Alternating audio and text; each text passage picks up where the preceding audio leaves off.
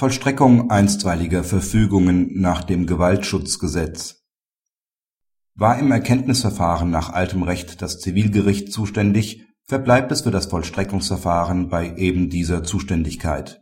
Es spielt dabei keine Rolle, ob die Angelegenheit nach der Einführung des FamFG zum 1.9.2009 inzwischen eine Familiensache ist und inzwischen das Familiengericht auch für die Vollstreckung zuständig wäre die Zivilabteilung des Amtsgerichts erlässt gegen den Ehemann am 11.08.2009 zugunsten der seit 01.01.2008 von ihm getrennt lebenden Ehefrau eine einstweilige Verfügung nach dem Gewaltschutzgesetz mit Androhung von Ordnungsmitteln.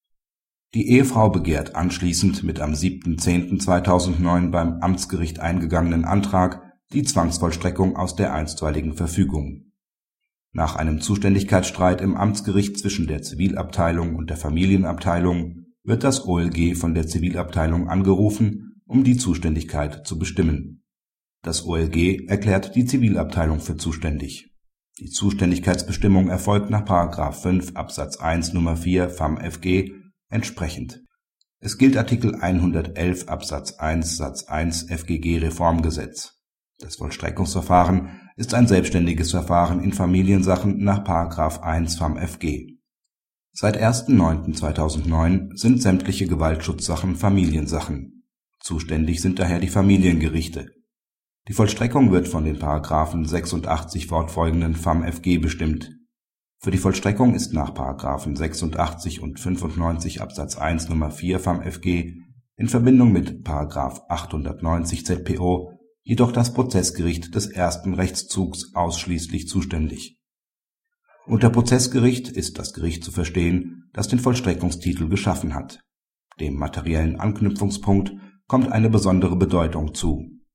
Bei einer Familiensache im Erkenntnisverfahren sind für die Vollstreckung die Familiengerichte zuständig.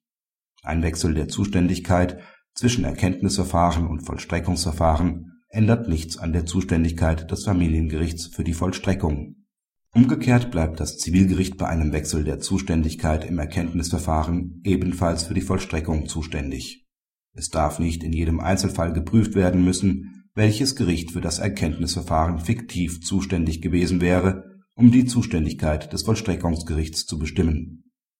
Dies würde nicht der Rechtsklarheit dienen.